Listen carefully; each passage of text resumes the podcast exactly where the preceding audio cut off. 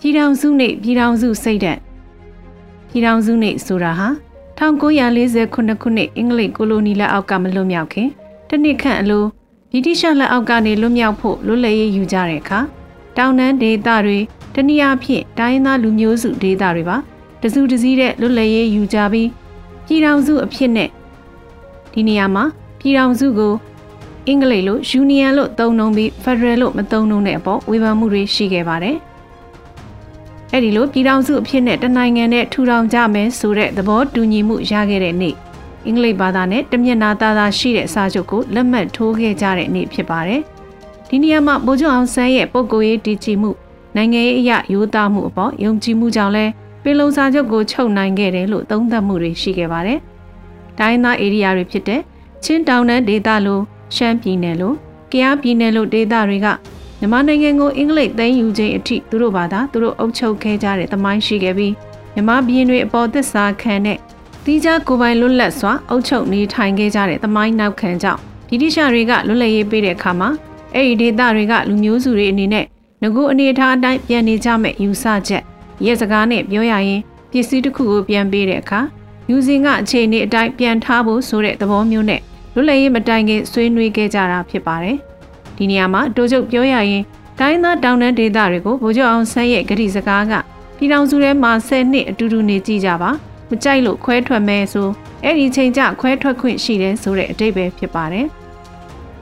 သူ့ရဲ့နိုင်ငံရေးပေါ်ပူလာဖြစ်ခြင်းပုံကိုယ်ရေးယုံကြည်မှုနဲ့တိုင်းသားလူမျိုးစုခေါင်းဆောင်တချို့ကပင်လုံမြို့မှာသဘောတူခဲ့ကြပြီးနောက်10လအကြာ1948ခုနှစ်ဇန်နဝါရီလမှာလွတ်လပ်ရေးရခဲ့တာဖြစ်ပါတယ်။ကံအကြောင်းမလှစွာပဲ လွတ်လပ်ရပြီးနောက်တစ်နှစ်ကစလို့တိုင်းသားအခွင့်အရေးနဲ့လက်ဝဲလက်ရနိုင်ငံရေးအယူဝါဒအပေါ်အခြေခံတဲ့လက်နက်ကင်တိုက်ပွဲတနည်းပြည်ရင်းစစ်ထဲကိုကြာရောက်ခဲ့ပြန်ပါတယ်။1949မှာတရုတ်နိုင်ငံမှာတရုတ်ကွန်မြူနစ်ပါတီက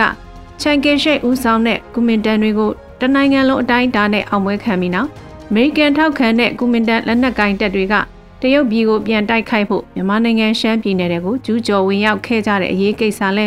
1950ကျော်ခုနှစ်တွေမှာဖြစ်ပွားခဲ့ပြန်ပါတယ်။တနည်းအားဖြင့်နိုင်ငံရေးသမားတွေနိုင်ငံရေးပါတီတွေအယက်သားနိုင်ငံရေးကအားမကောင်းခင်မှာစစ်တပ်ရဲ့ဩဇာတဖြည်းဖြည်းကြီးမားလာပြီးလွတ်လပ်ရေးရပြီး၁၀နှစ်ကျော်အကြာဖရယ်ရေးဆွေးနွေးကြတဲ့အခါမှာစစ်တပ်ကပြည်ထောင်စုပြိုကွဲဖို့လက်တလုံးအလိုဆိုတဲ့ဇလံကိုအကြောင်းပြက1962ခုမတ်လမှာစစ်အာဏာသိမ်းခဲ့ပါတော့တယ်။စစ်အာဏာမသိမ်းမီလွတ်လပ်ရေးရ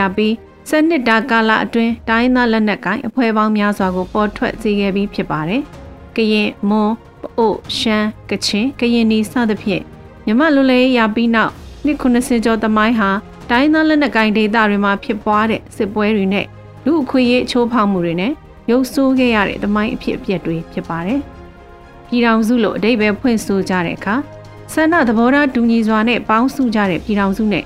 အာနာအင်အားတစ်ခုနဲ့ပေါင်းစုကြတဲ့ပြည်ထောင်စုဆိုပြီးနှမျိုးနှစ်စားရှိတယ်လို့နိုင်ငံရေးသိပ္ပံပညာရှင်တွေကဆိုကြပါတယ်။မြန်မာနိုင်ငံက1940ခုဖေဖော်ဝါရီ12ရက်ကဆန္ဒသဘောထားတူညီစွာနဲ့လွတ်လပ်ရေးရပြီးနောက်မှာပြည်ထောင်စုမှာပါဝင်ကြဖို့သဘောတူညီကြပေမဲ့လွတ်လပ်ရေးရပြီးနောက်ဖြစ်ပျက်ခဲ့တဲ့အခြေအနေတွေကတော့အင်အားနဲ့အတင်းအဓမ္မပေါင်းစည်းဖို့လှုံ့ဆော်ခဲ့တဲ့အနေအထားမျိုးရောက်ခဲ့ကြပြီး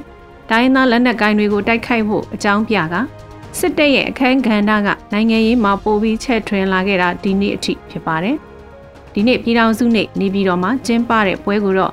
NCA ထိုးထားတဲ့လက်နက်ကိုင်ခုနှစ်ဖွဲ့နဲ့လက်မှတ်ထိုးတဲ့အထက်မပါဝင်တဲ့လက်နက်ကိုင်အဖွဲ့ခုနှစ်ဖွဲ့တို့တက်ရောက်ခဲ့ကြတယ်လို့ဆိုပါတယ်။ဒီနေ့ပြည်ထောင်စုနေ့အခမ်းအနားကကောင်းမွန်တဲ့ရလက်ထွက်လာဖို့မမျှော်လင့်ပါဘူး။ပြည်ထောင်စုနေ့အခါသမယမှာပြည်ထောင်စုနဲ့ပတ်သက်တဲ့သမိုင်းအဖြစ်အမှန်ကိုတွေငယ်စဉ်ကတည်းကအကြောင်းမှသင်ယူခဲ့တာတွေကိုပဲ သမိုင်းလို့မယူဆပဲမတူတဲ့အမြင်တွေအယူအဆတွေနောက်ခံသမိုင်းအဖြစ်အပျက်တွေရှိနေခဲ့တာကိုလည်းသိရှိနားလည်အောင်စူးစမ်းဖို့အချိန်တန်ပြီလို့သာဆိုချင်ပါတော့တယ်ရှင်။